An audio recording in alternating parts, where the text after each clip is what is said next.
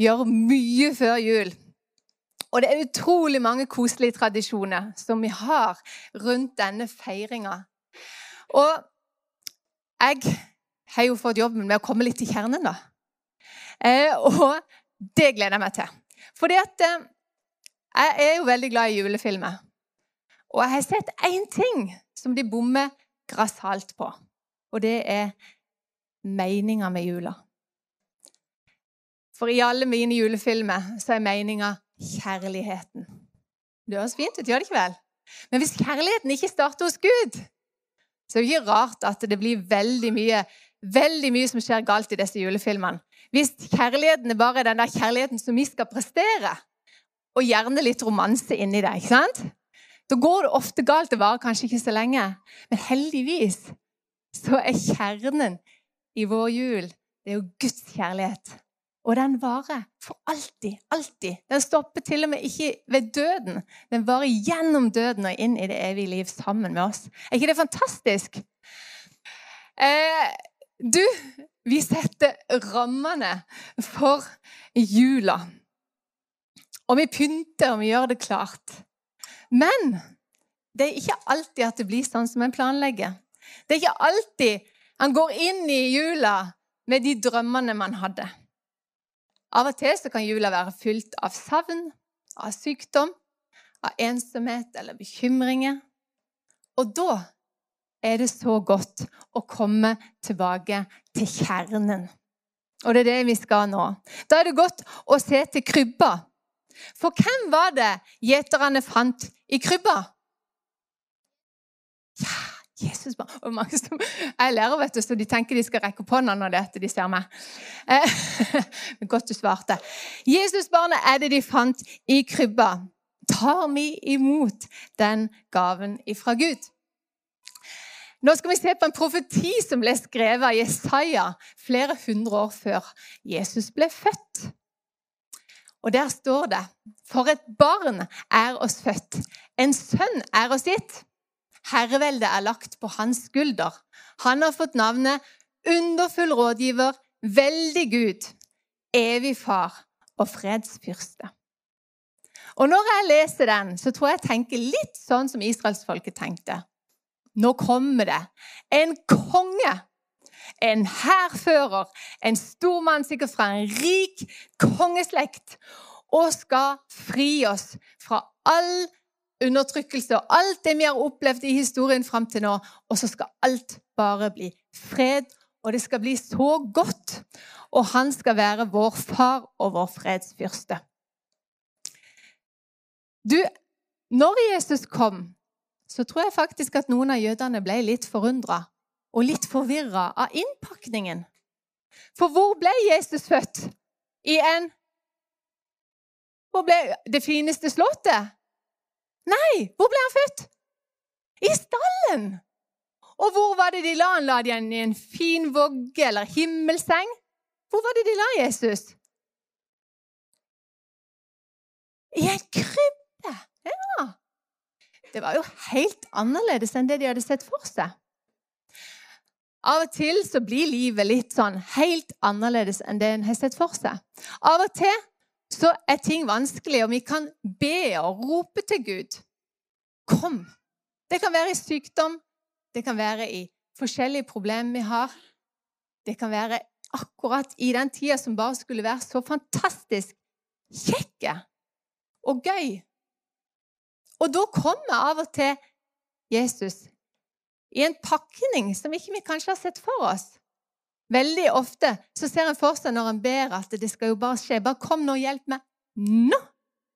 Og det som er så fantastisk med bønn, det er at det skjer jo av og til. Det skjer jo mirakler. Det skjer jo at mennesker bli, blir helbreda sånn ikke sant? i et nu. Men veldig ofte, her som vi bor, akkurat i den tida vi bor nå, så er det litt sånn som det var når David levde. At han opplevde at selv om ikke det skjedde helt sånn, så var Gud sammen med han igjennom alt. Og det står det i Salme 23, i et av versene der så står det om jeg enn skulle vandre i dødsskyggens dal, så frykter jeg ikke for noe vondt. For du er med meg, din kjepp og din stav, det trøster meg. Er ikke det en fantastisk gave vi har i den kjærligheten Gud ga oss gjennom Jesus, som kom til vår jord? For når vi inviterer Jesus inn i livet, så har du en venn for alltid. Du har en bror som alltid er der, på dine aller beste dager og på livets verste dager. Han er med. Jesus i krybba rommer så enormt mye. Og det starta jo som en liten baby, men det fortsatte helt fram til korset. For gjennom smerte i dette livet så kan vi få oppleve Han. Og gaven er at oss sjøl, ikke gjennom døden, sjøl ikke den skiller oss ifra Han. Han står der og tar imot dere. Gjennom krybba og korset så får vi møte veien, veien til himmelen, for alle de som tar imot han. Så kjenner du deg motløs, så vil han gi deg håp. Er livet tungt eller fullt av sorg, så vil han gi deg denne gaven av frelse og håp som gir glede. Og er du full av uro og bekymring, så vil han gi deg fred. Bare med å søke han.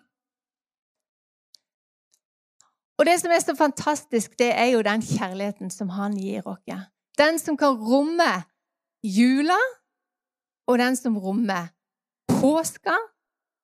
Og det evangeliet som vi får høre da, gjennom at Jesus døde og sto opp igjen for oss. Og det feirer vi. og Jeg føler liksom jula og påska de henger så tett sammen, selv om vi må vente litt til påske. Ja, Vi får ta én ting om gangen. Og så kan vi glede oss i denne jula over at Jesus kom til jorda. At han sa ja til det store oppdraget som Gud hadde lagt på han. Og med sin kjærlighet til oss så gjennomførte han hele oppdraget. Han ble ikke bare et lite barn, et søtt lite barn i ei julekrybbe. Og var det for alltid. Nei, når jeg ser ei julekrybbe, så ser jeg Frelseren. Så ser jeg min Herre. Min største glede. Den gleden som jeg kan se og kan fokusere på Kanskje jeg ser det sånn uten å ha tenkt meg rundt, men på mine tyngste dager så kan jeg se på det, og så gir det meg en fred og en glede midt i livet. For det rommer så mye. Og akkurat i denne tida så er det en spesiell tid for mange. Med både krig i Ukraina, med bekymringer i forhold til økonomi. Det er mange flere enn det som er vanlig som har det vanskelig i denne tida her. Og nå tenkte jeg at vi skulle be spesielt til slutt. Be for og med hverandre. Og da vil jeg bare takke deg, Jesus, for at du kom til jorda for å frelse oss. Takk for at du, det verket du gjorde på korset. Takk for at du i lydighet til din far og i kjærlighet til oss gikk gjennom døden og sto opp igjen for at vi skulle få være sammen med deg i en evighet. Vi ber for mennesker som lider i Ukraina og andre krigsherja land.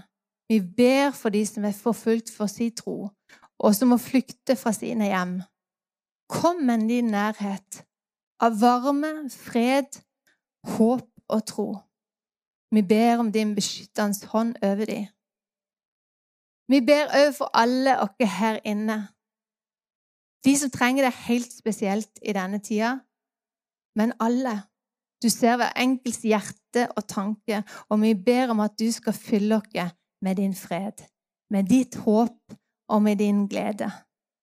Takk for jula sitt budskap. Takk for din store kjærlighet. I Jesu navn. Oh, Amen.